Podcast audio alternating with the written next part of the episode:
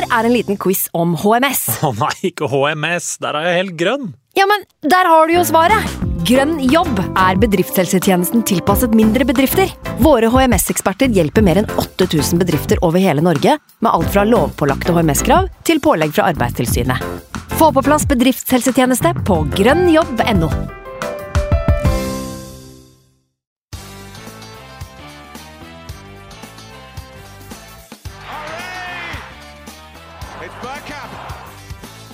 for grabs now! The next station is Arsenal. Hei og velkommen skal du være til en splitter ny episode med Arsenal Station med Magnus Johansen og meg, Simen Goffeng. Takk for at du lytter. Håper alt er bare bra. Det er jo fortsatt langslagspause, og da er det jo lite som passer bedre enn at vi har med oss en alle tiders gjest i kveld. Eh, Men før vi avslører hvem det er, så har du en viktig oppfordring å komme med, Magnus. Det har jeg, Simen. Vi har jo samarbeid gående med den norske supporterklubben, offisielle supporterklubben, Arsenal Norway. Og eh, vil jeg nok en gang minne folk om å, klikke seg inn på gunners.no for de som ikke allerede har gjort det. Og inn på den lenken som heter 'bli medlem'. Fordi det er, Nei, det er ikke. altså 250 kroner. eh, Det er noe de fleste kan, kan avse i året. eh, For da seks tettpakka blekker med kvalitetsstoff, Arsenal-stoff. Eh, I tillegg så får man mulighet til å søke på billetter på samtlige hjemmekamper. Og sånn jeg opplever det, så får du stort sett billett òg. Hvis du søker, og når du søker. Og så har du muligheten til å del, delta på en del arrangement eh, i regi av supporterklubben, hvor man kan møte likesinnede. Vi har jo vært på et par stykker sjøl, Simen, og eh, stifta nye bekjentskaper som vi har eh, fortsatt har kontakt med. Og det er veldig, veldig hyggelig. Um, Gleder meg allerede til neste finalefest. ja, den er vel i mai, er den ikke det? Ja, Så- Kanskje allerede i februar eller noe sånt. da. Er det Ja, ikke det- Carabao som skal spilles før den tid? Stemmer.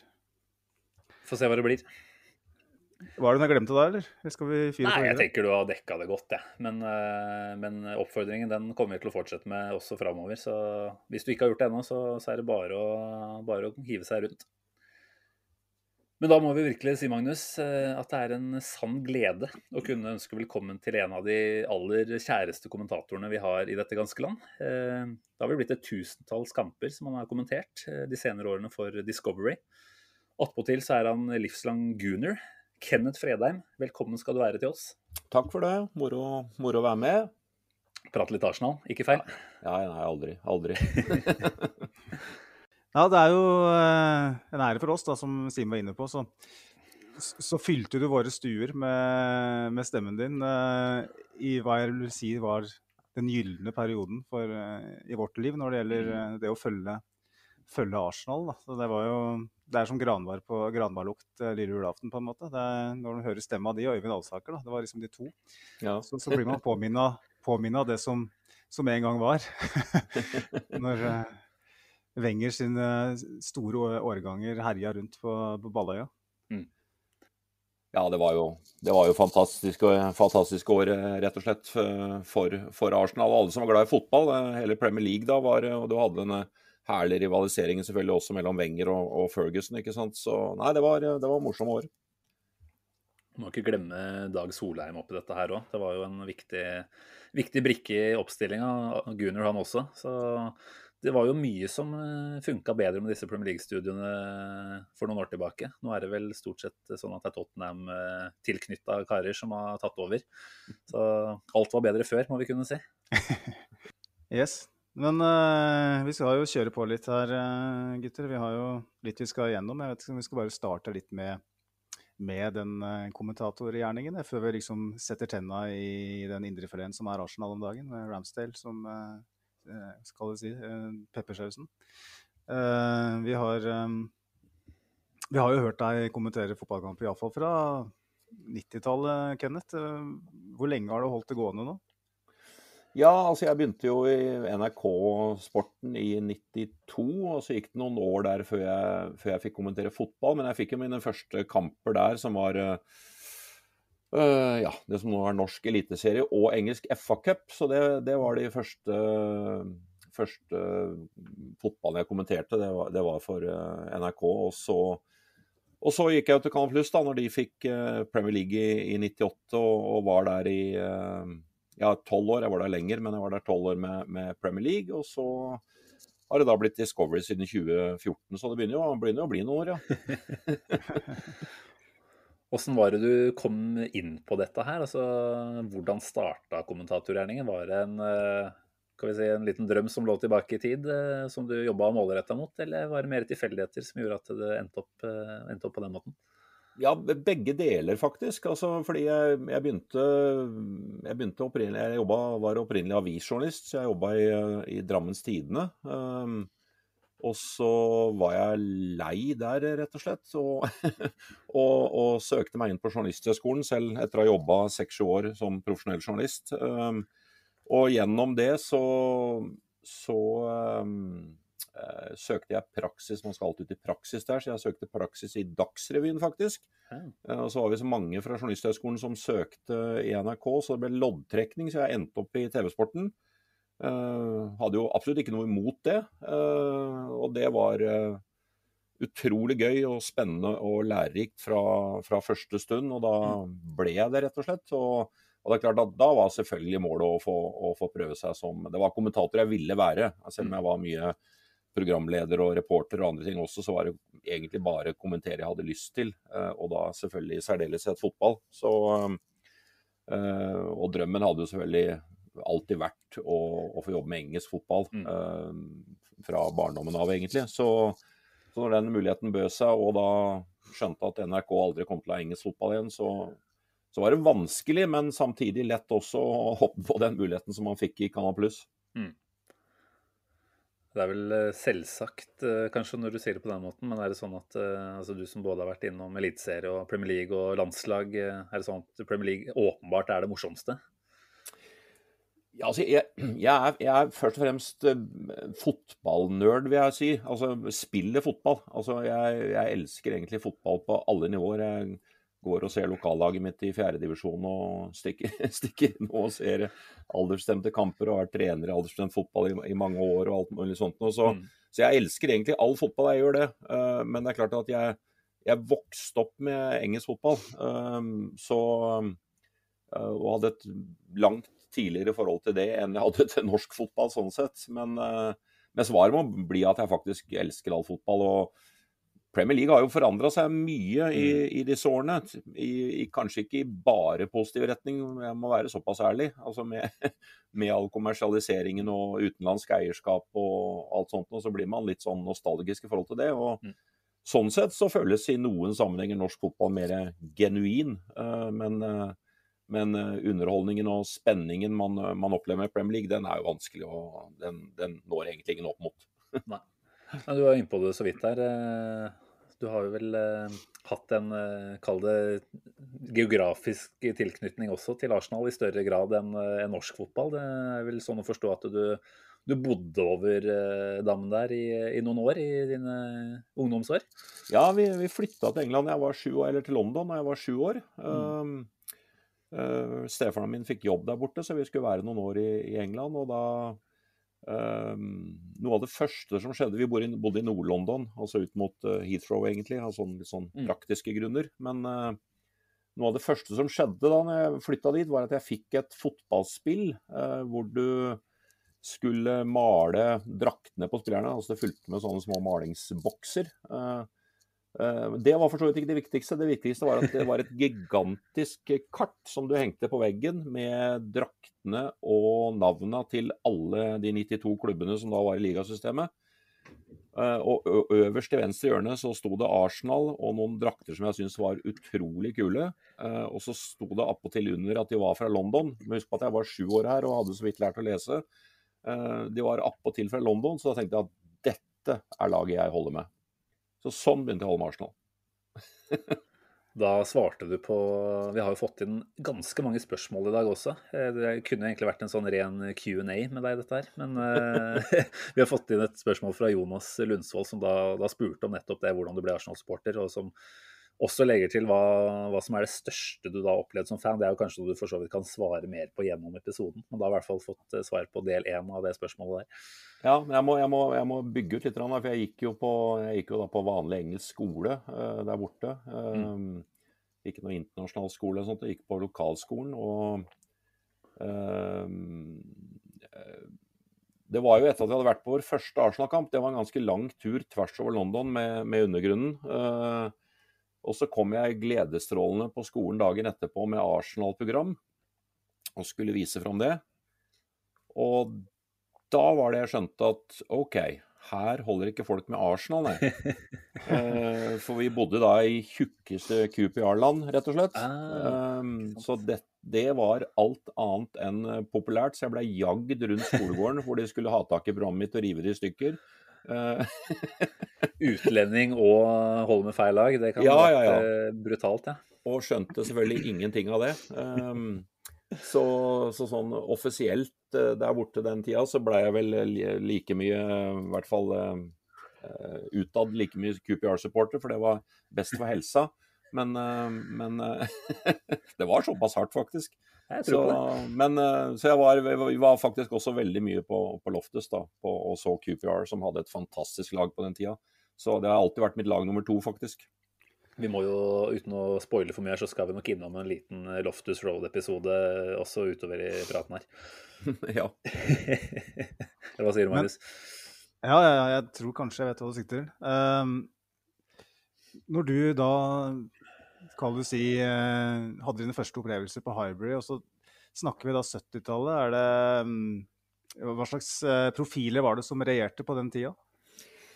Nei, det var, jo, det var jo, min eh, Hva skal man si for noe? Eh, altså De man husker mine første helter, var liksom George Armstrong, eh, Brian Kidd. Eh,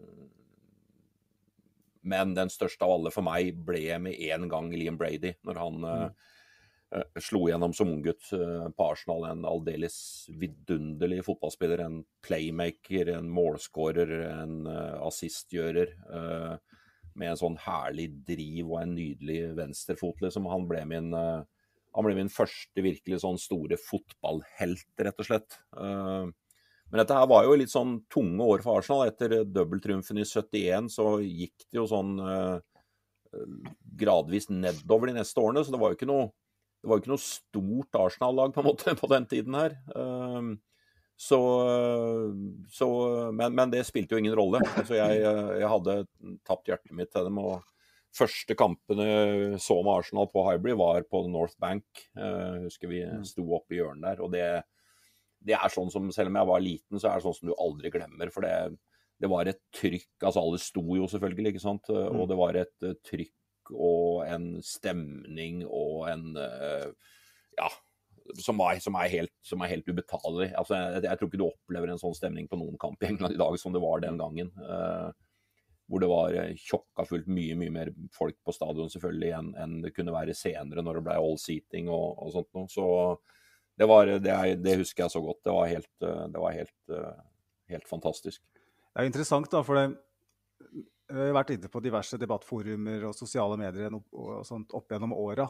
Og hvis man klager, så kommer det alltid noen som er født si 20 år før meg og Simen og sier at ja, men dere opplevde ikke de tøffe åra på 70 og tidlig 80 og sånn, liksom. Men nå var det fravær av sosiale medier, fravær av den derre vanvittige trykket på enkeltkamper og enkeltspillere og det der informasjonsbehovet som har tatt fullstendig av. Altså, det må jo ha vært en litt annen måte å konsumere fotball på, selv om Arsenal kanskje ikke var på sitt aller beste, så var det kanskje allikevel en litt annen stemning rundt klubben når det ikke gikk så bra, eller?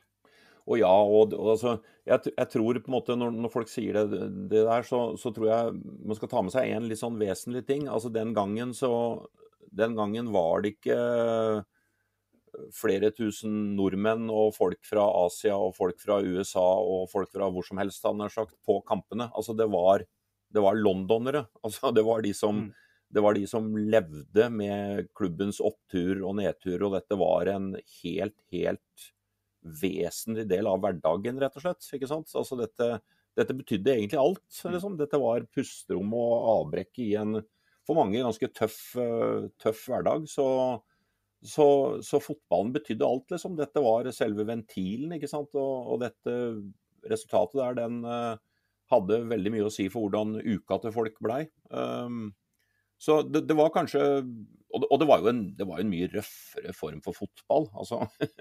um, også. Så, så, så, det er klart at uh, trykket på tribunen ble jo gjenspeila på de ute på banen, og motsatt, for å si det sånn. Så det var, det var, det var intenst. Det var utrolig intenst.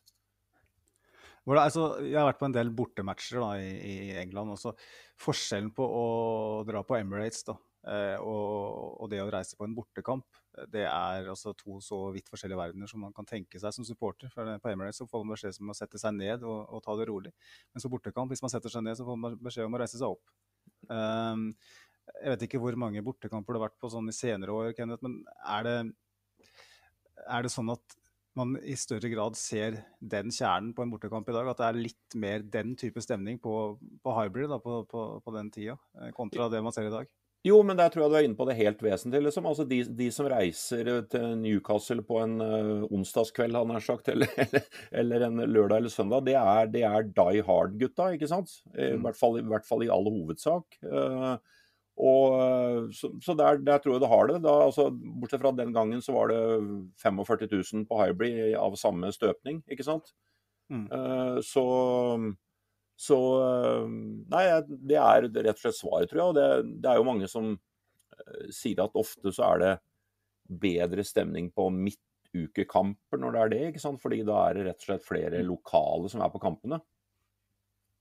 Ja, Man har jo sett det i en ligacupmatcher òg, når, når klubben skrur ned eh, billettpris. For det handler jo veldig mye om det. altså Working class i England har ikke råd til å gå på Emirates og betale 500-600 kroner for match eh, flere ganger i, i måneden. Eh, mm. Men når du skrur det ned til si halvparten eller en tredjedel, så, så, ser man gjerne at det er flere barn, ikke minst, i, mm. blant publikum. Det er skolebarn som har råd til å gå på match, eh, som har lommepenger som er tilstrekkelig. og så så merker du liksom at du lurer på hvorfor i alle dager er det så vanvittig god stemning på Emirates i dag når vi spiller mot Rotherham eller eh, Northampton mm. Eh, på hjemme.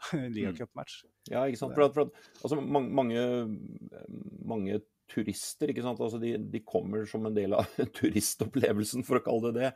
Og de er opptatt av å ta selfies og bli underholdt, liksom. ikke sant? Altså, for Die Hard-fansen så ja, ja, fotball skal være underholdende og, og du skal bli underholdt, men, men, det er jo ikke derfor du først og fremst er der. Du er, du er først og fremst der for å se laget ditt vinne, ikke sant. Mm. Uh, og, og, det betyr mye mer, liksom, når du, når du, når du lever det livet. Så, nei, så det, jeg tror rett og slett det er forskjellen. Mm.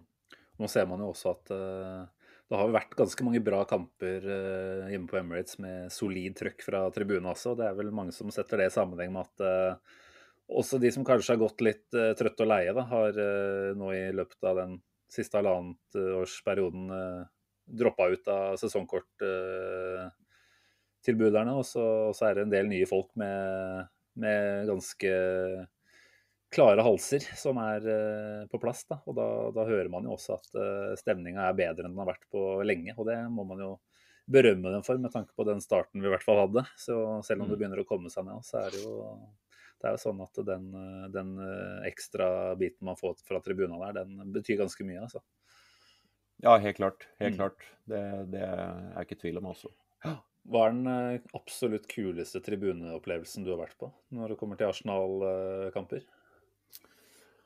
Uh, det er kanskje litt vanskelig å ta på stående. Ja, det er vanskelig. Det har jo vært, har jo vært utrolig mange kamper opp gjennom, opp gjennom mm. åra og mange store opplevelser. Liksom. Så jeg tror kanskje, jeg tror kanskje med sånn uh, Jeg kommenterte avslutningsmatchen, altså siste ligamatchen på Hybrid, og den, og den første på Emirates, uh, faktisk. Ja. Uh, mm.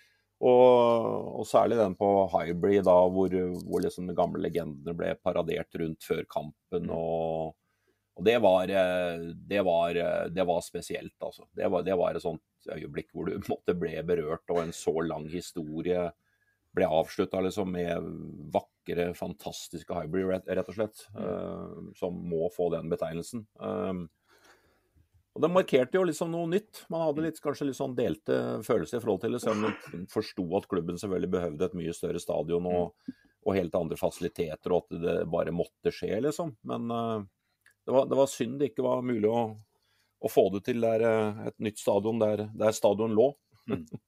Der er du jo for så vidt litt innpå et uh, spørsmål som Hedley BN stiller deg på Twitter. Han, han, lurer på hvor vanskelig er det egentlig å forsøke å holde seg nøytral når du kommenterer Arsenal-kamper. Altså, Siste match på Hybrid, det var vel 4-2 mot Wiggen det ble til slutt der. og Henri ned på kne og kysser gresset etter hat trick-skåring på straffe.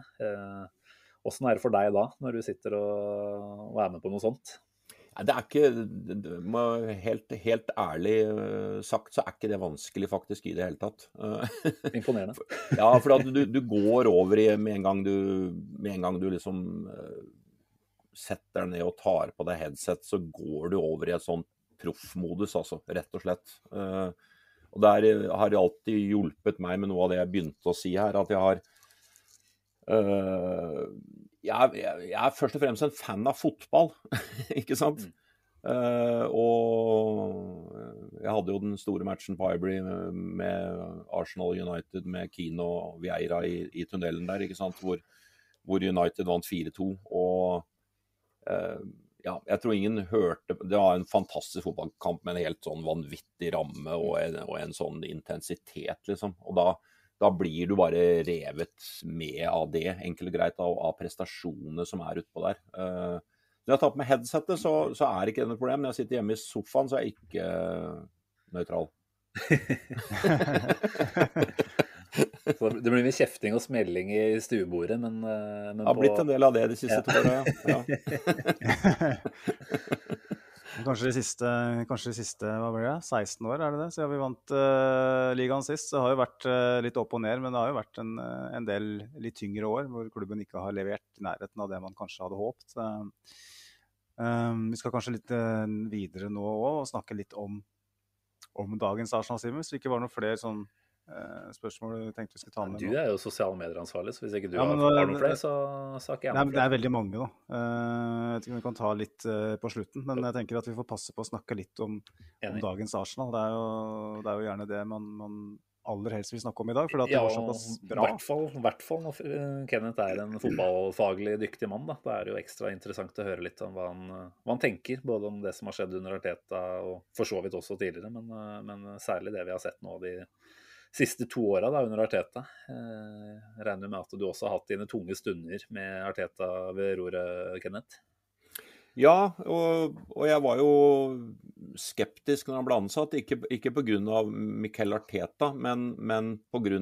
at det eneste han hadde gjort han har sagt etter spillekarrieren sin, eneste i gåsehudene, var, var, å være assistent. Um, og så tar du liksom ikke over en hvilken som helst klubb, du tar over en utrolig stor klubb. Um, og med enorme forventninger, ikke sant. Og eh, det Du skal ha ganske mye erfaring Jeg har snakket med mange trenere om dette her opp gjennom åra. Du skal ha mye erfaring og mye ryggrad, og du, du skal først og fremst få eh, spillerne til å respektere deg og tro på deg, uten mm. at du har noen faktisk manager-CV i bunnen, ikke sant. Uh, altså, hva, hva, står du egentlig for, ikke sant. Altså, når, når, sikkert mange av spillerne betrakter seg selv som større stjerner enn den som kommer inn og er manager. Uh, det er den biten av det. Også selvfølgelig positivt med hans år i Arsenal og den, sånn som han fremsto som type, og ikke minst positivt for meg. Uh, jeg må jo si at jeg er en enorm Guardiola-beundrer, eh, mm. og har vært det fra hans første år i Barcelona. Og, og, og ikke minst at han hadde jobba under han i alle året der, så tenkte jeg at okay, dette, dette er hvert fall Han har i hvert fall med seg noe fotballmessig som etter mitt syn passer til Arsenal, ikke sant? Eh, hvis, hvis, hvis, man skulle betrakte den som en Guardiola light. Eh, så Nei, altså, synes jeg, jeg syns fortsatt det er vanskelig med Arteta. Altså, jeg, jeg, jeg syns uh, jeg, jeg syns det har vært vanskelig å se hva spillestilen er. Uh, jeg jeg syns det har vært vanskelig å finne ut egentlig hva er det han vil med, med, med det som gjøres ut der. Det kan være enkelte kamper, det kan være perioder i kamper som er fantastiske. Uh, og så møter man et Brentford-lag på speed, og så ser Arsenal helt hjelpeløs ut, liksom. Altså, da, da, har, da, har, man ikke et, eh, et, grunnspill, rett og slett, som er i stand til å kontrollere kamper mot sånne lag. Uh, og noen fryktelige opplevelser liksom, mot de andre store i løpet av Vartertas tid der. Så, men så er, du, så er du igjen da, så er du inne i den perioden nå da, hvor, hvor, hvor, hvor, du plutselig syns kanskje at du ser det jeg etterlyser nå. altså en, mm. et, et, grunnspill og en spillestil. Og jeg, jeg, er villig til å jeg er villig til å gi han ut sesongen. for jeg, jeg tror vi kanskje han har starta med det som det er lurt for alle å starte med, nemlig å få orden på det defensive. ikke sant? Og få de rette spillerne på plass der som er i stand til å utføre det han vil. En keeper som er god med beina, mm. to stoppere som er gode med beina. Uh, to backer som er gode begge veier, ikke sant. Altså ikke, ikke bare offensivt eller bare defensivt. Uh, så, så, jeg føler man kanskje at man begynner å se litt mer nå, faktisk, av, av, av planen hans, da. Eh, rett og slett. Og, men jeg, nå er det vel en måneds tid til uh, han har vært der i to år. Og jeg, jeg, jeg syns det er på tide nå å, og Vi må se framgang nå, syns jeg. altså, Fram mm. til slutten av denne sesongen her.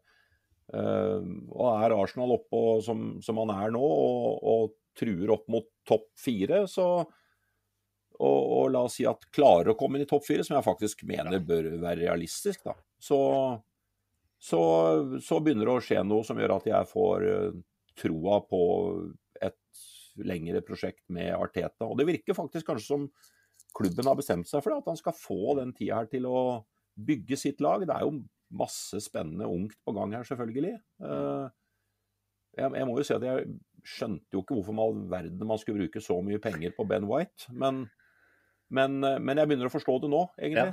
Ja.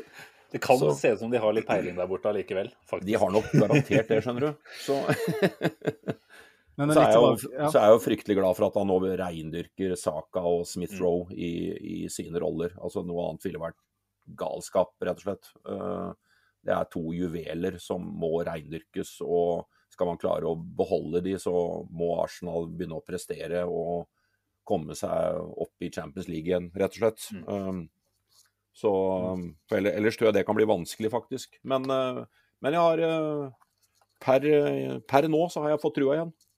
Men litt tilbake til det med, med, med spillestil. Da. Og Arteta har vel egentlig vist et par ganger at han kan organisere et forsvar. Han gjorde det ganske tidlig med mm. den FA Cup-runnen hvor vi slo City, hvor vi slo Chelsea. og så mista man David Louise, og så, og så, ble det litt mer stakkato. Og, spesielt på slutten av forrige sesong, når vi, når vi så ut til å ha en god periode, så så, så man liksom de gamle sykdomstegnene eh, til Arsenal i de, i de kampene hvor, hvor man eh, trengte et resultat. Um, spesielt via Real borte, f.eks. Så har han fått inn da, som du sier, mange unge spillere. Så har han på nytt da, med Gabriel White, som jeg syns ser fantastisk ut som stopper Mm bygd en, en, et fundament bak der med, med Ramsdale, Tommy Yassu som har kommet inn. Eh, men så er det igjen hva som skjer fra midtbanen. Eh, man, det er en veldig klar plan for hva man gjør fram til man kommer over midten. Mm.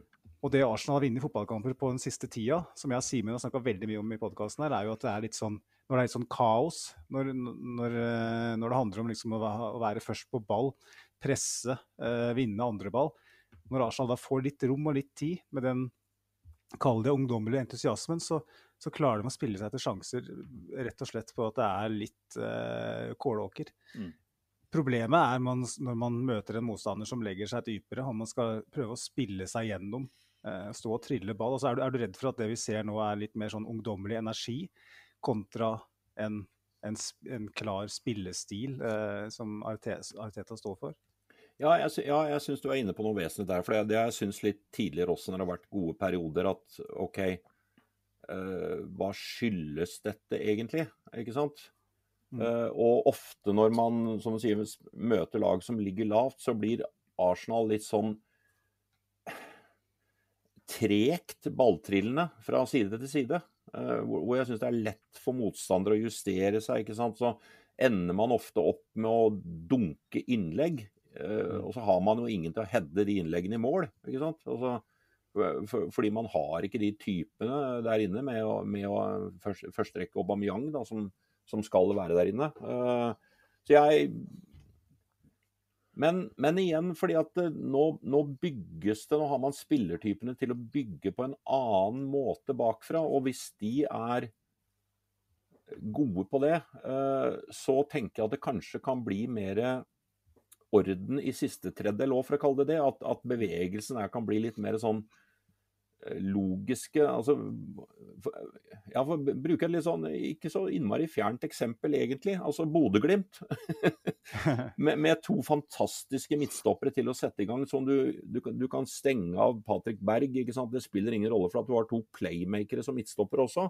Og det, det, har Arsenal nå. Og det tenker jeg kan bli utrolig viktig i sånne posisjoner. At da, posisjoner at da kan spillerne foran heller konsentrere seg om, om, gode bevegelser ikke sant? og åpne opp rom på den måten. Um, uh, og, og, og, og, i perioder så syns jeg, syns jeg, Arsenal har fått til det nå, uh, rett og slett. Uh, fordi du kan stole på de som, de som setter i gang spillet bakfra, nærmest uansett hvor de er. Uh, Yasu, strålende. strålende på høyrebekk. ikke sant? To gode venstrebacker. det ja, det, det, det, begynner å se annerledes ut, rett og slett. Men, men, fortsatt så er jeg usikker. Derfor, derfor, jeg, derfor jeg sa at nå, nå, må dette holde ut sesongen. ikke sant? Kan, kan ikke plutselig nå møte møte Chelsea eller eh, Manchester City eller Liverpool, og så bli herja med, sånn som, sånn som, det har skjedd den gangen. Hvor det ser ut som det er divisjoners forskjell, rett og slett. Hvor det ikke matcher intensiteten, ikke matcher tempoen i motstanderens spill, ikke vinner duellkampen. Altså, uh, så hvis, hvis Men sånn som kan se ut nå, så kan man kanskje tro at det er noe på gang her, da. Ikke sant? Uh, ja. Det blir jo en bra test allerede om noen dager nå, borte mot Liverpool. Eh, ja. Rett etter landslagspausa. Det har jo ikke akkurat eh, vært noen favorittøvelse for Arsenal så langt denne sesongen her. Eh, det har vel vært en knepen 1-0-seier mot Norwich og ganske svak 2-2-match mot Palace etter de foregående landslagssamlingene. Så borte på Anfield, det kan bli tøft. Men, men da tenker jeg jo Det er jo ikke bare den ene prestasjonen, det er også evnen til å faktisk ikke gå på en sånn lang negativ run, som kanskje er desto viktigere. For der har vel Arteta et par ganske grelle perioder nå med altså for så vidt Den var ikke veldig lang på starten av denne sesongen, her, men det var i hvert fall en ubehagelig periode på starten av sesongen. og Han hadde jo åpenbart dette runnet med var det syv-åtte kamper uten seier eh, mm. i fjor høst. Eh, så særlig den evnen til å ikke Eller klare å grave seg ut av de hulla tidlig, da. Det er jo i hvert fall viktig. Ja, altså, er helt enig. Og så er Liverpool-kampen en sånn kamp som jeg grugleder meg til, for å si det sånn. For, for jeg, jeg, jeg, jeg syns jo Arsenal ikke har vært i nærheten liksom, av å matche den intensiteten som Liverpool har på sitt beste. ikke sant? Uh, og spille seg ut bakfra da og sånt. Nå har jo sett ut som forsøk på selvmord, rett og slett. ikke sant? Eh, så, så, så, jeg tenker jo at den, uansett når kampen kommer, at den kommer nå, men jeg tenker at det uansett er en bra målestokk da, mm. uh, på, på, hvor man eventuelt har kommet, rett og slett. Så uh, som sagt, jeg er fortsatt usikker, men, men, men den, blir en, den, blir en, fin målestokk. Begge lag selvfølgelig med en store deler av stallen borte på landslagsoppdrag. Mm. så man stiller jo sånn sett likt, og Arsenal er inne i en god periode. Da, så da får vi se om, om, det er steg som er tatt, rett og slett. Ja, Det blir kjempeinteressant. Så har du for så vidt svart veldig godt på Sebastian Ask sitt spørsmål. Han lurte rett og slett på hva tankene dine var rundt Arteta. Og da, da er det sånn at vi fortsatt er litt på, sitter litt på gjerdet her, men at uh, vi er åpne for å bli overbevist i løpet av de neste månedene. Ja, og det, det syns jeg er en ting som jeg, som jeg oppfatta som uh, som er noe av det viktige Arteta har drevet med, det er jo rett og slett å rydde i stallen. Altså få mm. vekk, få vekk folk med enkelt og greit ikke gode nok holdninger. ikke sant? Eh, folk med større selvbilde kanskje enn evner. Eh, og fått inn da Det er noe av det som er viktig tenker jeg, for en såpass fersk manager som han er. da, At du, at du får inn unggutter som du kan forme, og som tror på deg, og det er du som for alvor har gitt dem sjansen. At han har sine folk, rett og slett, i, i, eh, i elveren sin nå. Og det med, med, noen unntak, liksom. Og det, det, tror jeg faktisk er utrolig viktig. Så, og jeg, jeg liker jo fotballfilosofi Ja, nå er jeg jo litt usikker på hva fotballfilosofi for så vidt er, da. Men, men, men, men, men når han har jobba med Guardiola i alle år, så er det jo lett å tenke seg at den, den passer veldig godt i Arsenal. Sånn som, sånn som man tenker og syns og historisk mener at Arsenal skal spille. Så ja, så vi, krysser, vi, krysser, fingrene for de seks neste månedene nå. Ikke sant. Og så er det jo et Må vel tillate oss å tro at det er et ganske bankende Arsenal-hjerte i, i, den kroppen der også. Inntrykket er vel at han uh, virkelig ble glad i klubben i løpet av de årene han var her som spiller. Så, så det er jo et ekstra element. I, den grad man faktisk da ser at det lykkes, så, så smaker det jo ofte enda bedre når det er en, en sånn type connection til manageren også. Helt enig. helt enig. Og så har vi ennå, endelig, syns jeg, da fått på plass en seriøs vinnerskalle mellom stengene. Uh, jeg, blir jo bare glad av å se alt med Ramsdale. Han er jo ja, er akkurat, akkurat, så klin gæren som en keeper skal være. og Fantastisk fysikk og god med beina og, og en ledertype, og det må man ha bak der. Ja, og Det er jo verdt å nevne at uh, vi sitter her og spiller inn en mandag kveld, og da uh, får han vel debuten sin på landslaget omtrent i dette øyeblikk. Uh, sammen med Smith Roe også, fra start. Ja, det er jo utrolig. Bukayo Saka er også i den eh, kamptroppen. Eller han er vel på banen, han også, faktisk. Så det er en stund siden det begynner å, begynner å bli en stund siden det har vært tre Arsenal-spillere i, i landslagsoppstillinga til England. Ja, da begynner det virkelig å ligne noe. Det, det, er jo utrolig morsomt. Alle tre tre starter har jeg ikke fått med. Det er kult. Ja, ja vi, får, vi, får, ta med det. Det er moro. Ja.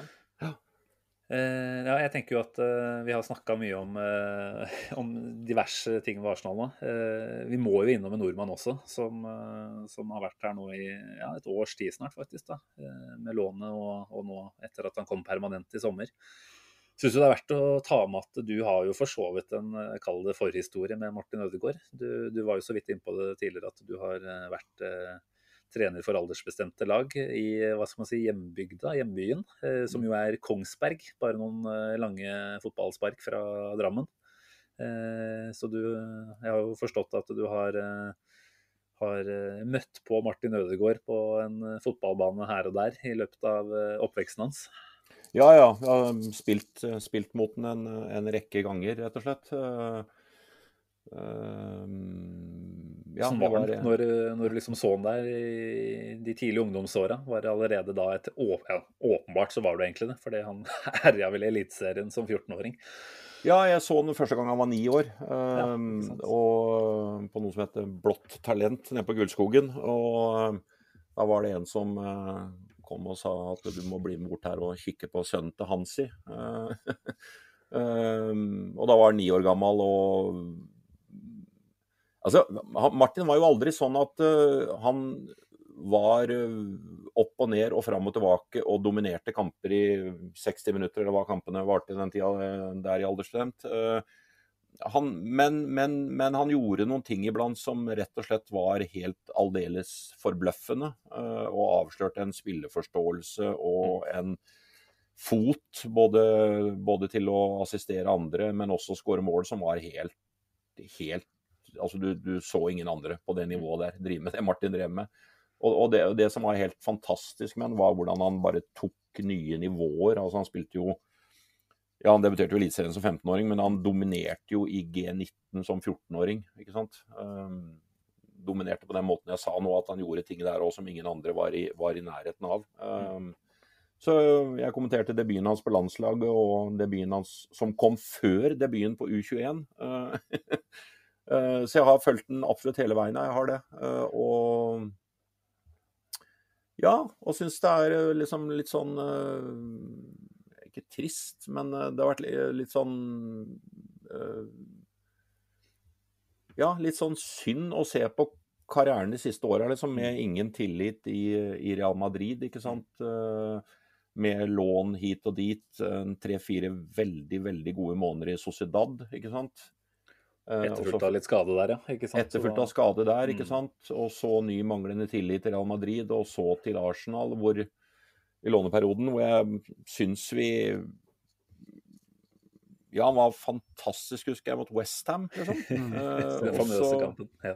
ja, og så tenker jeg ja vel, OK, nå har du, nå har du funnet deg til rette. ikke sant? Nå, nå, føler du deg trygg, nå kjenner du lagkameratene, nå kommer dette bare til å gå én vei, og det er oppover, liksom. Uh, Eh, fordi det er sånn jeg har kjent eh, Martin som fotballspiller opp gjennom, opp gjennom de åra. Ja, men fortsatt er jeg Altså, han er jo Altså, det, det som er med Martin, nå fyller han 23 om en måned. han er ikke noe han er ikke noe unggutt lenger. Han er ikke Nei. et ungt talent lenger. Altså, det, det er La oss sammenligne med Smith Roe og, og, og Saka, da, som er klart yngre. og hvilket, Mm. Hvilket nivå de er på. Så, så, så, tenker jeg at Martin må begynne å levere uke inn og uke ut, rett og slett. For det er det som kreves i Premier League. Hvis du skal lykkes, i hvert fall, i Premier League, så, så er det det. Vi, vi, kjenner jo alle kvalitetene hans. Og, og, og selv, i, selv, i, Premier League på sitt beste så skiller Martin Ødegaard seg ut. Men, men, men fotballen i Premier League er så intens. Den er så fysisk uh, tøff at du må, liksom, du må klare å stå opp i alle delene av spillet. Uh, han løper jo minst like mye som alle andre utpå der, men jeg, men, men jeg, tenker først og fremst på duelldelen av det, og det å Ja, at de rett og slett må gå fort nok, for å si det sånn. Og du må klare å gjøre de tingene når det går fort nok og er så intenst og så fysisk tøft som det kan være. Mm. Det er jo Unnskyld at jeg avbryter, Magnus. det går helt fint. Det, det, er jo kanskje der kritikken mot Martin Ødegaard har vært både før Arsenal-tida, særlig på landslaget kanskje, men også i Arsenal-kampen han har vært, at det ofte går mye i trygge løsninger. Og at det er jo som du sier, ingen som betviler hans fotballferdigheter sånn kroppslig sett, fysisk. Er han det er kanskje litt tabloid å spørre, da, men tenker du at han er tøff nok til å liksom ta disse dristige valgene i stor nok grad? Eller, fordi til nå så har vi jo sett prov på det i enkeltkamper og i korte perioder. Men, men, det er jo noe han har til gode å vise over lengre tid. Og så har han jo selvfølgelig fått noen, noen små avbrekk pga. noen skader her og der. og Da har han jo også vist at han bruker litt tid på å komme i gang igjen og bli ordentlig komfortabel. Tenker du Mm. at han på en måte har kall det mindsettet da, til, å, til å virkelig være en sjef i Premier League? Jeg, jeg, tror, jeg tror nok han har det mentale. Uh, og så vet jeg ikke hvor Det har blitt litt sånn betenkt med, er at han ganske ofte sliter med litt sånne småting fysisk. Mm. Uh, om, om han uh, Han har sagt er fysisk sånn at han rett og slett pådrar seg en del sånne ting. og da Eh, da er, det, da er, det, ikke mye tid for restitusjon og det å komme tilbake igjen i den formen. Du får ikke liksom månedsvis på det, for du kan liksom begynne å prestere igjen i Premier League hvis du, hvis du akter å liksom eh, ja, bli den dominerende fast spiller. Da. Det, det, som er vel litt tilbake til Arteta, da. Altså jeg, jeg husker spesielt noen intervjuer med yngre spillere når han var i, i City, og spesielt et intervju tror jeg, med Leroy Sané som, som skrøyt helt hemningsløst av Arteta. Hva han hadde lært den, hvordan han hadde guidet han i forhold til hvordan han skulle bevege seg. I den situasjonen gjør du sånn og sånn, der tenker du sånn og sånn og sånn. Og det, og det, det tenker jeg jeg, jeg, tviler på om Arteta har mista den, på en måte. Og, da, og, da, og dette er jo veldig sånn Guardiola-jobber også. Mm. Og da tenker jeg at det kan være veldig positivt for Martin. ikke sant? Og det at Arteta utvilsomt har tro på han, ikke sant. Sånn i utgangspunktet så, så, så, så, er det, så, er jo det, positivt, selv om man liksom nå har plutselig endt opp på benken. og Det er jo ikke rart, selvfølgelig. Når, du, når, du, når det fungerer så bra som det gjør, så er det helt logisk, liksom. Men, men da er utfordringen der på en måte allerede for Martin. Da? Kjøpt for temmelig dyre penger i, i sommer. Øh, kjørt rett inn i en sentral rolle, og så havner du på benken. så det igjen så blir det en litt sånn avgjørende periode for han. Men jeg, men jeg, tror, han har, jeg tror han har rett manager bak seg, i hvert fall. Ja, for Det er vel første gangen egentlig at han er under en trener i, seniorkarrieren hvor liksom han er der han skal være. Det er moderklubben, kan du si. Eh, og han er, har en langtidskontrakt eh, med en trener som ønsker å nærmest bygge laget rundt den. Eh, men som sagt som, så er det jo kanskje første gangen, da hvis vi spoler veldig langt tilbake. Eh, Martin Ødegaard er jo svigermors drøm, kan det virke som. En sånn eh, skikkelig ålreit eh, kar som virker å ha be begge beina planta godt på jorda. Men allikevel så valgte han Real Madrid og Carlo Ancelotti, som var trener på den tida, har jo i ettertid sagt at det var en, PR-prosjekt fra Real Madrid sin side. Mm. Og det å få inn en, en, en spiller som var på alles, alles lepper, er det, er det Det er jo et veldig tabloid spørsmål, men er det, er, det, er det sånn at det kanskje var en, et feil valg på det tidspunktet? Ja, det der eh, har jeg tenkt ganske mye på og snakka med mange om. Eh, Ja, du kan si ok, selvfølgelig med fasit i hånd. Ja, kanskje det burde gått til Ajax, ikke sant? Mm. Eh, Men så det er liksom sånn, OK, da. Hvis, eh, hvis Liverpool vil ha det, og Chelsea vil ha det, og Barcelona vil ha det, og Real Madrid vil ha det, liksom, hvor, hvor lett er det å si nei? Ja, Altså, signaliserer det liksom eh, manglende ambisjoner? Men det er klart at med, med, med- med fasit i hånd La oss ta med Braut Haaland her, da. ikke sant? Altså Den, den karriereveien han har valgt, har jo vært helt lysende smart, ikke sant? Mm. Eh, starte med litt lavere profil. Uh, det er klart Når, når Ødegaard en gang ble bytta inn i Real Madrid med Ronaldo, altså, da fikk du i hvert fall veldig følelsen av at det var et PR-stunt. ikke sant? Mm. Uh, så det er klart at Nei, siden, siden han ikke lyktes i Real Madrid, så, så har det jo selvfølgelig blitt en utrolig tøff inngang på seniorkarrieren. Det er jo ikke noe det, det er jo ikke noe å lure på, rett og slett. Eh, og han er jo selvfølgelig ikke gammel, men han, men han er en seniorspiller nå. Han er kaptein på det norske landslaget. Da, da må man ha lov til å stille høye forventninger rett og slett, til det Martin Ødegaard skal prestere. Han er kjøpt for ganske store penger av en klubb som helt klart har en ambisjon å komme opp igjen eh, minst i topp fire i engelsk fotball. ikke sant? Eh, Da er det ikke sånn at han må betraktes på en annen måte enn alle andre. Da, da må det rett og slett Han må prestere nå, han. Enkelt og greit. ikke sant? Han er, han er, han er henta inn for å prestere, eh, rett og slett. Og så, og så blir det litt sånn for meg, og litt, litt i Arsenal som det er litt diskusjon på norske landslaget, hvor, hvor skal han egentlig spille? ikke sant? Mm. Eh, jeg, han kan jo ikke spille som en av to sittende i, i Arsenal Premier League. Det ser jeg på en måte på som helt utelukka, liksom. Eh, og, da, og, da, og så har du Saka og Smith Rowe på hver sin kant. Ja, men da, da gjenstår tierrollen, ikke sant? Mm. Eh, og den må du jo fylle både offensivt og defensivt. Og han, han må få tilbake den tøffheten og den vågale Martin som vi så som 15-åring, eh, og som jeg har sett hele veien opp igjennom, den som tør ting framover. Mm. For hvis han ikke tør ting framover, så blir han jo bare en midtbanespiller som gjør det som en haug med andre midtbanespillere kan gjøre, nemlig å spille baller på tvers og bakover. Uh, og, og da er det jo sikkert andre enn Martin Ødegaard også som er mye bedre duellspillere, for å si det sånn. Uh, så, så han må være den vågale, oppfinnsomme, kreative Martin Ødegaard som vi vet ligger der inne.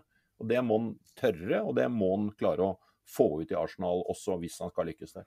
For han er jo litt sånn i ferd med å bli en litt sånn arbeidshest. Altså en, en, eh, den som legger eplet på pulten til læreren. Eh, han gjør på en måte det han skal eh, hele tida. Eh, han gjør grovjobben, eh, og den gjør han veldig bra. og Hvis du ser på hvem som leder presset og, og, måten Teta omtaler på, det virker som han nærmest er kjæledeggen Mm. for Ariteta. Men eh, det å utvikle den, den kreative delen altså, Vi snakka i sommer om liksom, Madison eller Ødegaard. Da. Det var de som var, var linka. Altså, rettferdiggjør man gjerne for seg sjøl når, når man henter den ene og ikke den andre. Eh, så starta han jo ganske bra, men så, så får, ser vi igjen den litt sånn passive, den som Mm. ikke tar de, de, den risikoen i, i spillet sitt. Og, så bruker han, som du sier, da, han bruker veldig lang tid på å komme seg i form. Hvis han, hvis han er ute et par matcher, så bruker han tre-fire kamper på å komme, komme tilbake. Eh, og da han først kommer tilbake, altså når han først kommer i form igjen, så kan han ha mange kamper på rad hvor han er kjempegod. Så får han en, et lite avbrekk, og så, Mm. så forsvinner han. Det er litt sånn merkelig, egentlig, for det er ikke alltid det er skader heller. Det er bare snakk om at han kommer litt ut av rytmen, nærmest. Ja, men jeg er enig i det. og Det var det jeg liksom var litt inne på, at det har du ikke tid til. ikke sant? Altså, du, du, du, kan, du kan ikke bli skada der borte, og så trenger du, eller satt ut, hadde sagt, eller hva man skal kalle det for noe, og så trenger du tre-fire kamper på å komme inn i rytmen igjen. Altså, det, det, det, er, det er det ikke rett og slett rom for på det, på nivået der, ikke sant? Uh, Og, og når liksom plutselig Lacassette er inne, ikke sant, og det, og det fungerer, så, så, er det, så er det vrient. Og som sagt, jeg mener han ikke kan, i hvert fall ikke Premier League, kan spille som en av de to dype, liksom. Der mener jeg Party Lokonga er, er mye mer åpenbare valg, Mm. ikke sant. Uh, tok jeg de to først og fremst, da. Uh, for, jeg mener, for jeg mener de er de beste i de rollene i, i, i stallen. Men uh, men eh, nei, så det er eh, Nei, det er, det er her igjen så må vi liksom bare krysse fingrene for for det som skjer det neste halvåret. fordi at uh, han har jo helt soleklart kvaliteter som Arsenal behøver. Altså, eh, jeg tror ikke det finnes en bedre boksåpner og en pasningslegger og en som ser uh, mulighetene framover enn Ødegaard. Men han må, jo, han må jo utføre det også, ikke sant? Rett og slett. Der så vi jo Han har jo fått særdeles med kritikk på, på landslaget. Da. Veldig mye for, for forsiktige opptredener. Nå, mot Latvia sist så, så var han jo veldig framoverretta og så etter de typiske bokseoperpasningene ofte. Og var, var veldig offensiv i innstillinga si. Så kan det hende at han med skal vi si, det blir, jo, det blir jo stilt krav på landslaget, og de kravene vil jo bli tydeligere og tydeligere fra Arteta ettersom han blir en eh, kall det fastere traver eh, i London også, så, så, må man jo tro at han da på sett og vis vil, vil ta imot den, eh, den challengen det der er. Da. Og da tror jeg han vil levere også. Jeg tror, som dere var litt inne på tidligere, så lenge han har en, en manager som han opplever som trygg, men som allikevel stiller de kravene, så tror jeg vi kommer til å få se at han blomstrer etter hvert også. Det er i hvert fall min, min spådom.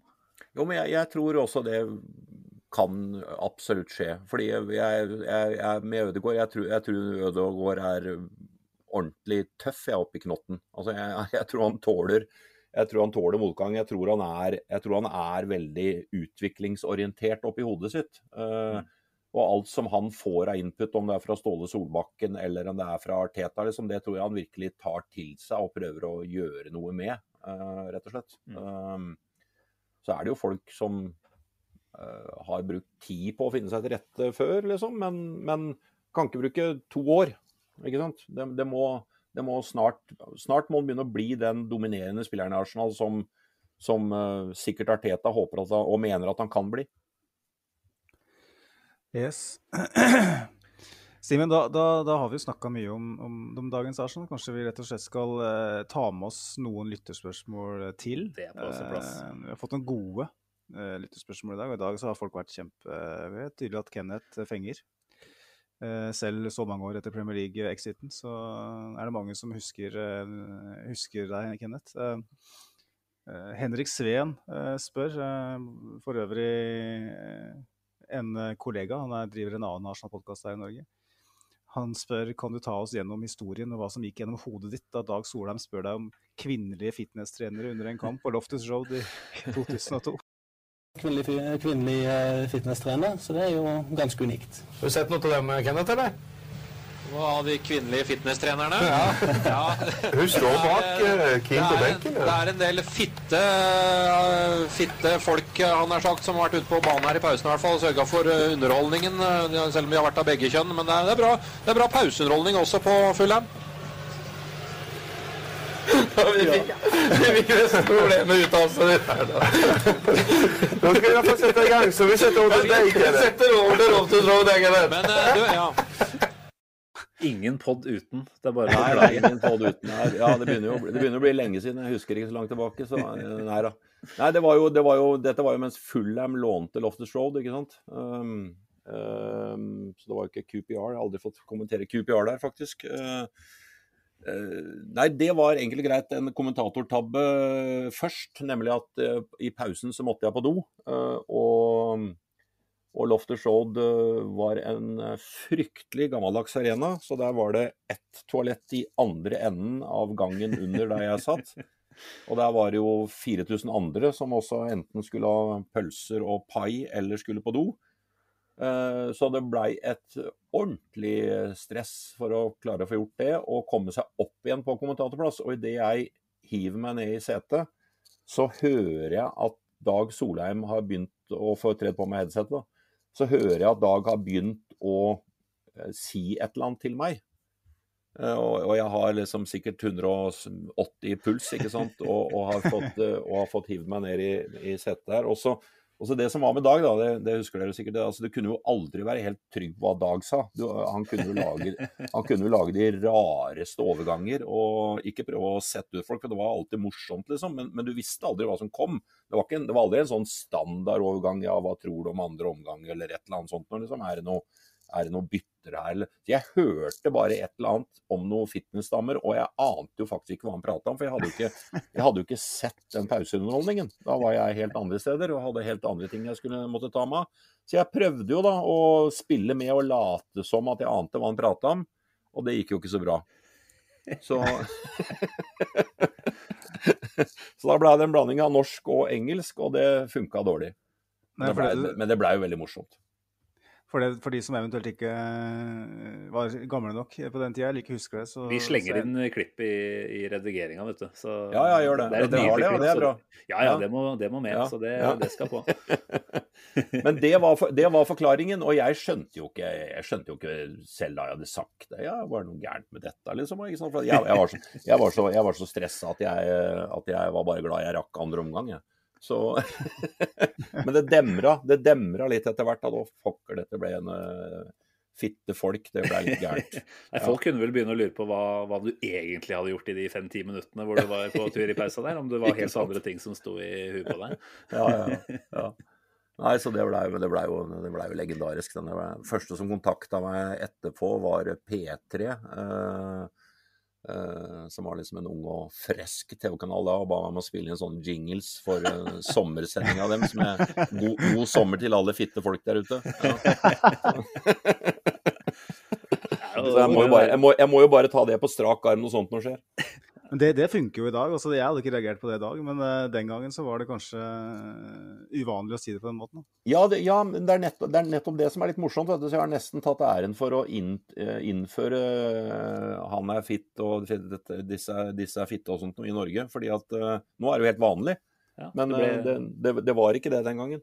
det ble akseptabelt etter at du hadde meldt det en gang ut av. Det burde jo vært årets CV-øyeblikk òg. Det er rart du ikke har fått noen utmerkelser fra det.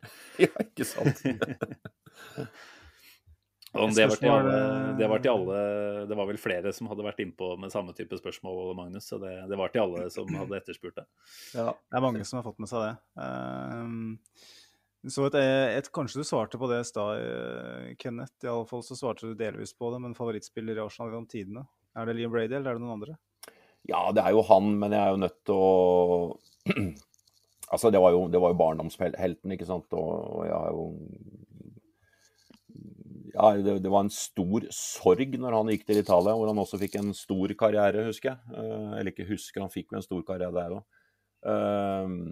Det har jo vært mange opp gjennom åra, da. Men, eh, men det er klart at Wenger-perioden med Henry Bergkamp eh, Min ikke personlig favoritt, men en som jeg syns det snakkes for lite om, hvor aldeles fantastisk lysende god han var i Arsenal, Robert Pires. Um, Mm.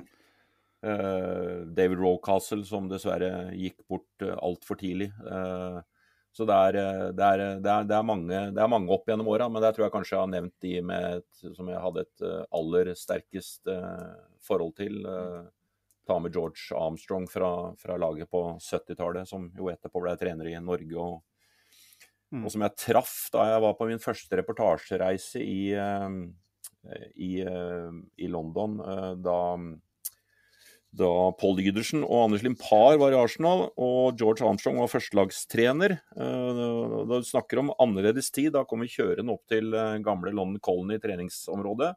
Ikke noe vakter, ingenting. Bare kjørte inn der. Ingen som stoppa oss, ingen som lurte på hva vi skulle der bare gikk ut av bilen ikke sant? og hørte at uh, hvor er det de holder på og trener her egentlig. Hørte noe roping og ballsparking og gikk gjennom et lite skogholt, og der sto Arsenal og trente.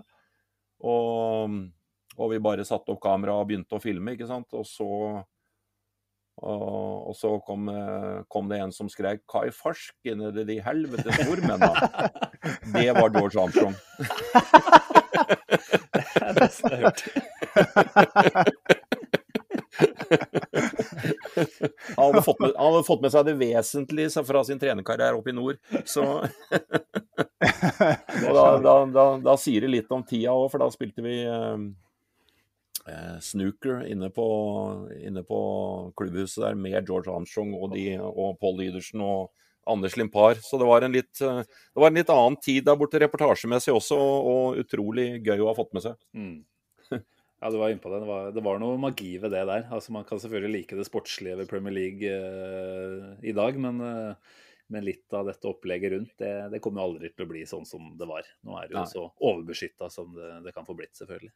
Ja, de er jo helt eh, fjerna fra mm. supportere og, og, vanlige folk, for å si det sånn. Det er klart at sånn, sånn må det litt bli også nå med, med, fremveksten av sosiale medier og alt mulig som kan dukke opp, liksom, så forstår du det også. Men, men uh, men, men, det er, men, det er, synd, det er det.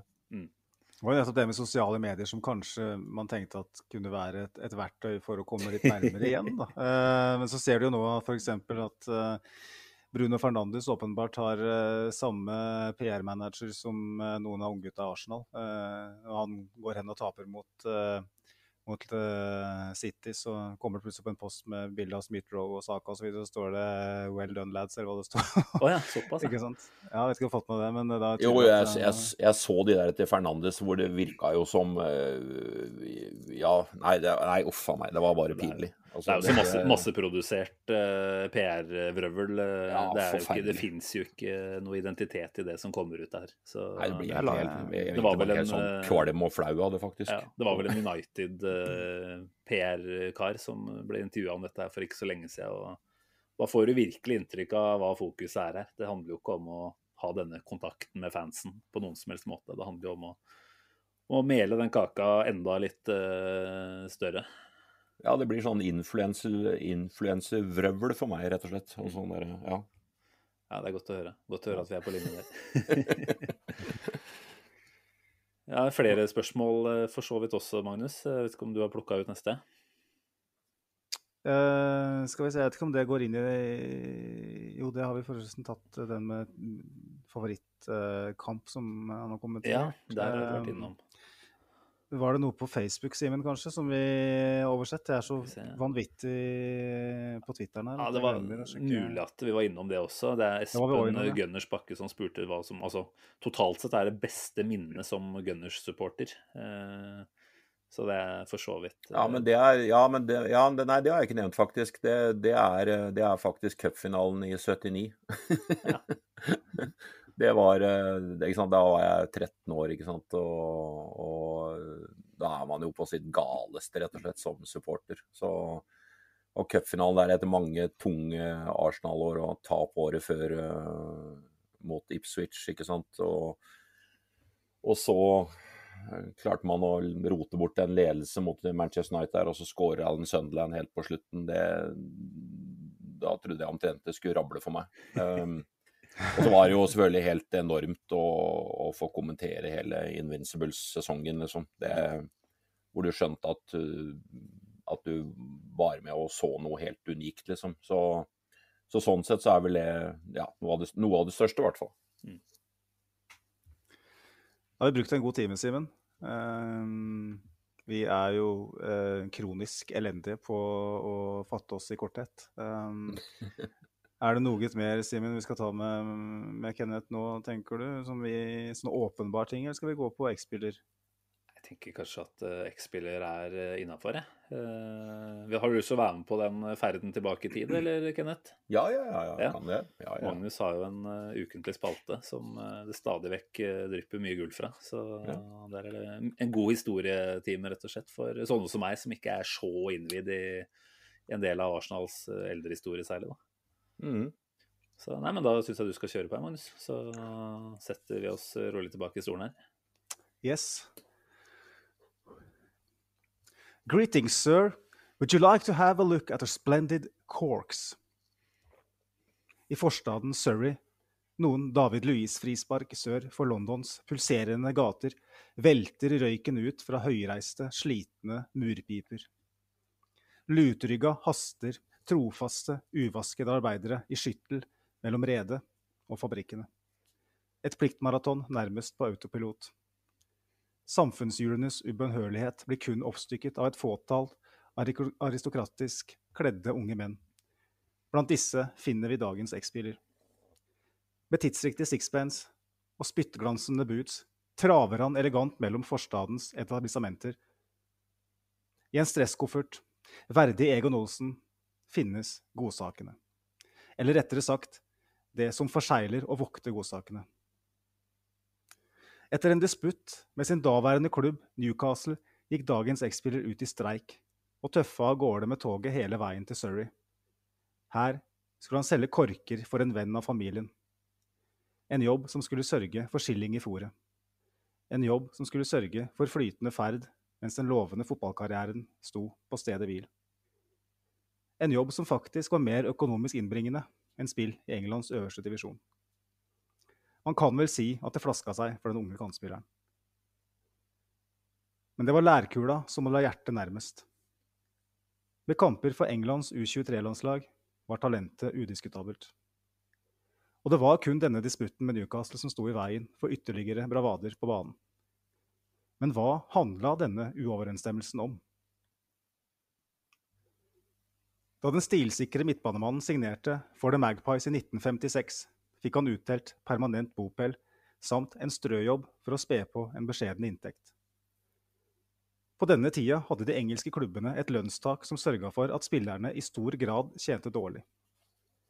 Da strøjobben han fikk utdelt knapt rakk til soketter i teen, og bopelen opplevdes som ubeboelig, ba han i 1959 pent om å, om å få lov til å forlate klubben. Newcastle var imidlertid svært lite føyelige og viste til betingelsene i kontrakten. Dagens X-spiller var i realiteten sjakk matt. Sjakk matt var også de øvrige spillerne i den engelske toppdivisjonen. På denne tida var spillemakt utopi og et fremmedord.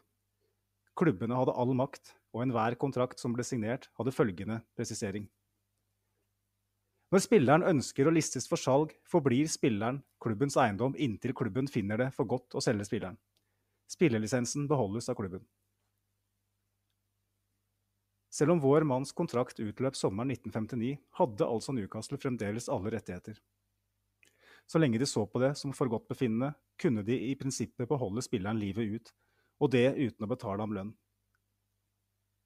Flere år senere oppsummerte han det selv på følgende måte. De fleste ville kalt dette en slavekontrakt. Vi hadde praktisk talt ingen rettigheter, og som oftest tjente en hvilket som helst på tribunen mer enn oss, mer enn oss som var ute på banen. Ikke at det er noe galt med det, men de hadde friheten til å bevege seg fritt på arbeidsmarkedet. De kunne skrive en oppsigelse og begynne i en annen jobb. Det kunne ikke vi. Etter ett år som selger i Surrey kunne han imidlertid endelig sprette korken av sjampisen. Newcastle hadde fått nok av sin streikende stjernespiller og aksepterte et bud på 47 500 pund fra Arsenal. Kork og sixpence skulle endelig byttes ut med kanonskjorte og ball. Manager George Swindin beordra korkselgeren til å adlyde et tøft opptreningsprogram, og etter et par måneder med prepping fikk han sjansen mot Bolton i desember 1960. Og for en debut det skulle bli. Den nyankomne teknikeren noterte seg for to skåringer i et målkalas som endte 5-1. Hybrid hadde fått en ny yndling. En sårt tiltrengt yndling i en æra hvor klubben snuste på en tilværelse som evig middelhavsfarer. Sesongen i forkant hadde Svindins menn endt på 13.-plass, og det skulle ikke bli stort bedre denne sesongen heller. Men, men en 11.-plass til tross. De trofaste tilskuerne på Klokken og Northbank hadde fått en ny helt en artist som lyste opp en ellers grå fotballhverdag. Fra sin posisjon som inside forward var han Arsenals kanskje fremste kreatør på første halvdel av 60-tallet. Med eksepsjonell nærteknikk og blikk for spillet var han i stand til å åpne opp ethvert forsvar, og klubbens angripere nøt svært godt av hans berømte venstrefot. Men grunna et vaklende defensivt kollektiv skulle han aldri få krone Arsenal-karrieren sin med skinnende metall. I løpet av de seks årene han tilbrakte på Highbury, slapp Arsenal inn 78 mål i snitt per sesong. Og den beste tabellplasseringen de kunne vise til, var sjuendeplass. George Swindin og hans etterfølger Billy Wright klarte aldri å få skikk på Forsvaret, og det var først når Bertie Mee tok over i 1966 at lekkasjen ble tetta. Bertie Mee ville imidlertid ikke ha med dagens X-spiller videre. Og ballartisten ble dermed, noe overraskende, solgt til Stoke.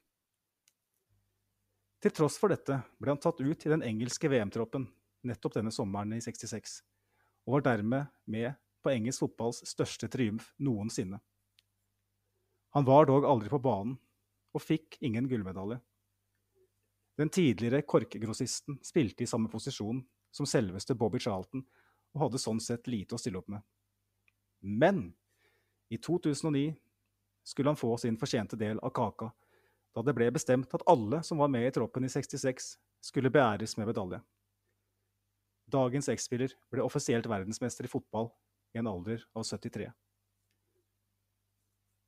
Men hva så med rettighetsforkjemperen, med sixpence og en koffert full av korker? Vel, det turbulente forholdet mellom ham og Newcastle var langt fra over. I 1963 møttes de i Høyesterett. Med spillerunionen i ryggen gikk han til sak mot skjærene fra Nord-England. Han krevde å få utbetalt lønningene fra perioden han streika. I tillegg mente han at kontraktsbetingelsene grensa til slaveri, og at klubbens eierskap til spillelisensen etter utløpt kontraktstid ikke var rimelig. Retten ga ham ikke medhold når det gjaldt de ubetalte lønningene, men han fikk full støtte i saken om kontraktsbetingelser. Og med dette sørga han for at Fotballforbundets overgangsregler ble endra for alltid. Med dette sørga han for sårt tiltrengt makt til underkuede spillere. Klubbene kunne ikke lenger tviholde på spillerlisensene i like stor grad, og var pliktige til å signere nye avtaler ved utløpte kontrakter, samt betale lønn så lenge spillerne var registrert i klubbene. Klubbene hadde dog fremdeles mye makt, da de fortsatt kunne kreve en overgangssum ved utløpt avtale, men denne rettssaken var et nødvendig gjennombrudd, og blir av mange beskrevet som forløperen til Bosman-dommen. For sin glitrende karriere, og ikke minst innsatsen i kampen for spillernes rettigheter, mottok den tidligere Arsenal-stjernen den britiske imperieorden, bedre kjent som OBE, på Buckingham Palace i 1974. Hedersmannen, som står med 207 kamper og 41 mål for Arsenal, har satt et uslettelig preg på engelsk fotball. Ikke bare var han en entertainer for banen, han var også en pioner og en rettferdighetsforkjemper. En verdensmester med et større blikk. Etter endt karriere flytta han etter hvert til Sør-Afrika, hvor han bl.a. har vært aktiv i kampen mot apartheid. Rettighetskampen er en livsmisjon for fantastiske George Eastham. Wow. Snakk om historie. Det her må jeg jo bare si, Magnus, at det, det var totalt ukjent for min del. Eh, godt hende at Kenneth eh, kjente til det meste her, men eh, men her, eh, her, var det mye interessant, altså. altså. Jeg vet jo at det er noen av disse gode, gamle karene som, eh, som har litt av hvert i historieboka si, men det her var jo mer enn man kunne forvente, som du sa. Det er jo forløperen til Bossmann. og Hvem skulle tro at Newcastle var en klubb som ikke nødvendigvis brydde seg om eh, arbeidsrettigheter og sånt. Det blir jo aktuelt på nytt i disse dager. Men ja, den var fin. Hvordan var det med deg, Kenneth? Er dette kjente ja, det var, linjer? Nei, det var veldig mye ukjent for meg. Det var en lysende bra, bra historie. Altså virkelig. Det var, det var utrolig uh, interessant og velformulert og spennende. Nei, nei, jeg kjente ikke til hele den historien. Det gjorde jeg absolutt ikke. Det var uh, det, Og det var jo først Dæven og tøff han må ha vært. Altså å kjøre det løpet der uh, på den tida der, og som sier til de grader Det burde jo, burde jo nesten blitt Bossmanndom den gangen, han har sagt, men han, men han, fikk jo brakt det langt, skjønte jeg. Så nei, det var, det var spennende. Hmm. Den, den, den, den, skulle vært fortalt mye mer, den historien der. Den var, den var, bra, den var flott. Jeg må innrømme at jeg ikke kjente så godt til den sjøl heller. Eh, vi har jo hatt den spalten her gående nå i 63 episoder ca., cirka, er det ikke det vi har spilt inn nå, Simen? Uh, og det er det å finne nye historier, uh, og ikke alltid snakke om de som man selv kjenner så godt til. Da. så må man dykke litt i arkivene. Plutselig så finner man sånne ting som det her, og det Jeg syns det var kjempeinteressant selv å, å fordype meg i det. ante ikke at Arsenal på 60-tallet hadde en sånn historie. For det er en sånn man går gjerne fra 30-tallet, og så hopper man til 80. mm, ja. Eller 70-80, da. Ja, det var, det var en fantastisk historie. Den var, eh, den var meget bra. Hm. Takk for det. En, en, en, fyr lese, en fyr jeg må lese mer om. Dette var jo en uh, pioner, rett og slett. Jeg, jeg googla han her nå mens jeg skjønte hvem det, hvem det kunne være. Så Og det han har gjort etterpå i Sør-Afrika Mm. også, som en sterk motstander av apartheid. og ja, dette, var en, dette er en mann å være stolt av, nær sagt. Han, han lever fortsatt, sier jeg. Ja, det er litt fint, da. Er tatt for oss noen legender fra den ja, litt før det for så vidt òg, men sånn som de som gjerne hadde vært eh, 90-100 i dag, da. Han her er vel kanskje midt i 80 eller noe sånt. Det er veldig mange som har gått bort, dessverre. og eh, Mm. Det er nesten rart eh, at han ikke er mer nevnt, men det, det er vel kanskje fordi at han ikke vant noe av større grad i Arsenal. Det er vel sånn det funker gjerne. Mm. Ja, Hadde ja. han vunnet en ligatittel eller to, så hadde det vel kanskje vært mer snakk om det. Vinne rettighetskamper er ikke, er ikke like sexy alltid. Selv om det burde være det. 85 år er han blitt, så for så vidt en voksen alder. Men eh, han har, han har eh, litt å gå på, han altså. Nei, men Kult, Magnus. Det var veldig bra levert. Takk for det. Da må vi vel begynne å nærme oss slutten. Jeg bare ser eh, at vi må innom bare et siste lille spørsmål, Kenneth. Som jo da Mhm. er som henspeiler på det kommende januarvinduet. Jeg vet ikke hvor mye du har gjort deg opp av tanker om hva Arsenal kunne trenge der. Eh, Det er, eh, det er Fredrik Heierstad, en lytter, som, eh, som spør hva som Arsenal bør få gjort på overgangsfronten i januar. Mens Jonas Lundsvold da også lurer på hvordan vi kan blande oss inn igjen i topp fire. Er det sånn at godt, en god signering nå i januar kan være med å, å bikke de riktig favør? Ja, det tror jeg, men jeg tror ikke den skjer, for å si det sånn. Altså, Arsenal må ha en ny spiss, rett og slett. Mm. Altså, man må ha en ordentlig Man må ha en ordentlig goalgetter på plass, enkelt og greit. Eh, Jeg, ja, jeg føler at Aubameyang er ikke på vei oppover i karrieren sin, for å si det sånn. Eh, Og Lacassette skårer for lite mål. Eh, Men jeg, jeg, jeg tviler på om det kommer til å skje. Men det er liksom det jeg syns nå, først og fremst. Altså, som, som er på, Ben White begynner å fungere. Party er bedre. Eh, eh, du har OK folk Jeg, jeg syns jo akilleshælen, helt siden Patrick Vieira, Gilberto Silva ble borte fra Arsenal, så syns jeg på en måte den posisjonen har vært Arsenals akilleshæl. Jeg tror Party kan vokse seg virkelig inn i den rollen, liksom. Og da, da tenker jeg at det mest åpenbare for meg nå er at Arsenal må få seg en ordentlig goalgetter, rett og slett, på topp. Mm. Du er vel en av de i Norge med best kontroll på Eliteserien. Det er ikke tilfeldigvis sånn at det er noen derfra som kunne fått plass i, om ikke Arsenal Elveren, så i en stall. Eh, Man kunne tenkt at det kunne vært en, eh, en backup-løsning eller noe sånt. Uh, nei, det steget tror jeg er litt for stort for ja. jo, vi har jo Ja. snakka varmt om eh, Fredrik eh, Bjørkan. Vi hadde Atan Eke, altså agenten, da, eh, på besøk her for en stund tilbake. Men nå har jo Nuno Tavares gått inn og nesten gjort den venstrebekken til sin egen. Så det er jo Ja. ikke noe huller å fylle der heller. Så det begynner å bli, bli vanskelig å komme seg inn for andre med norske tilknytninger. Da. Ja, men det- er jo morsomt du nevner Fredrik Bjørkan.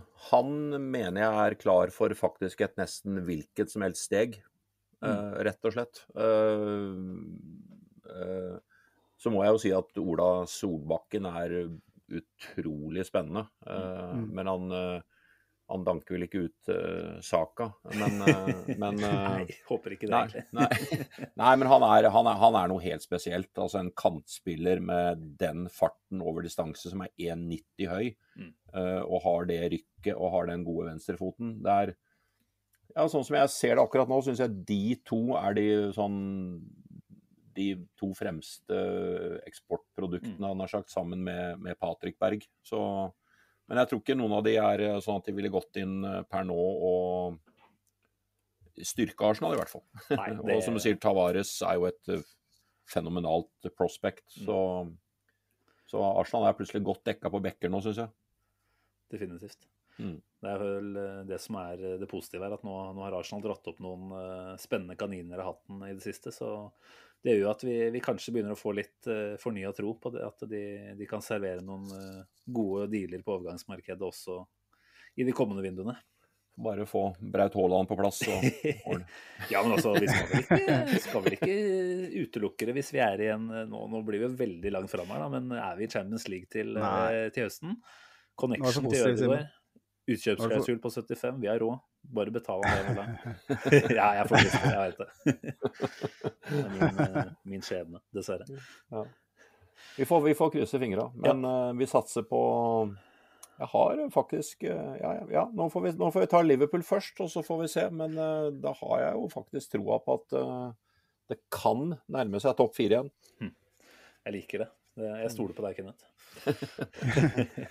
det er litt supporteren som snakker her òg, da. Ja, det er, godt at du kan ha med deg den i hvert fall eh, når du er her og gjester podden. Da, ja, ja, ja, skal du få lov til å være så supporterbrillete som du bare vil. Nei, men Da tenker jeg vi er ved veis ende, Magnus. Eh, det ble en veldig trivelig prat, dette her. I like måte. Veldig, veldig hyggelig å få være med.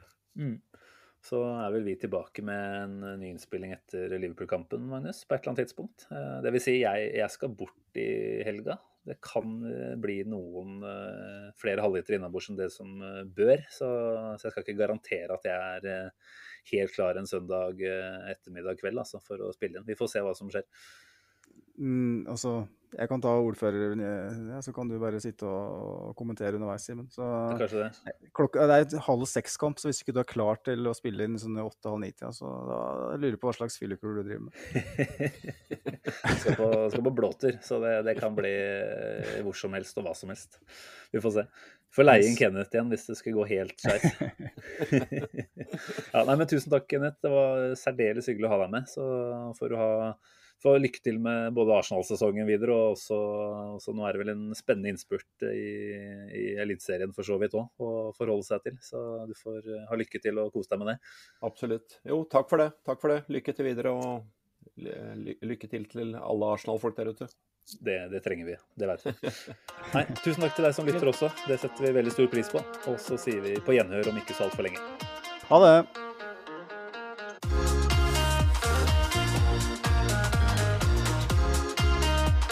This train terminates here.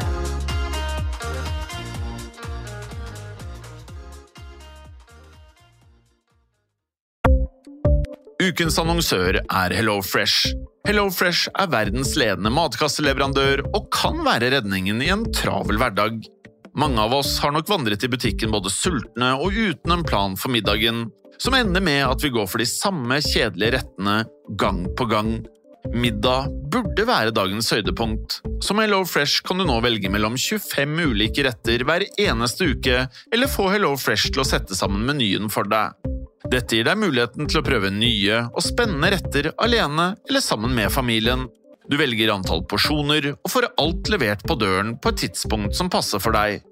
Oppskriftene er enkle, og maten er lett å lage både for store og for små. Ved å få alt levert hjem får du også mer tid til å dele matgleden med familie og venner. Kanskje det frister med asiatiske tacos eller greskinspirert kylling?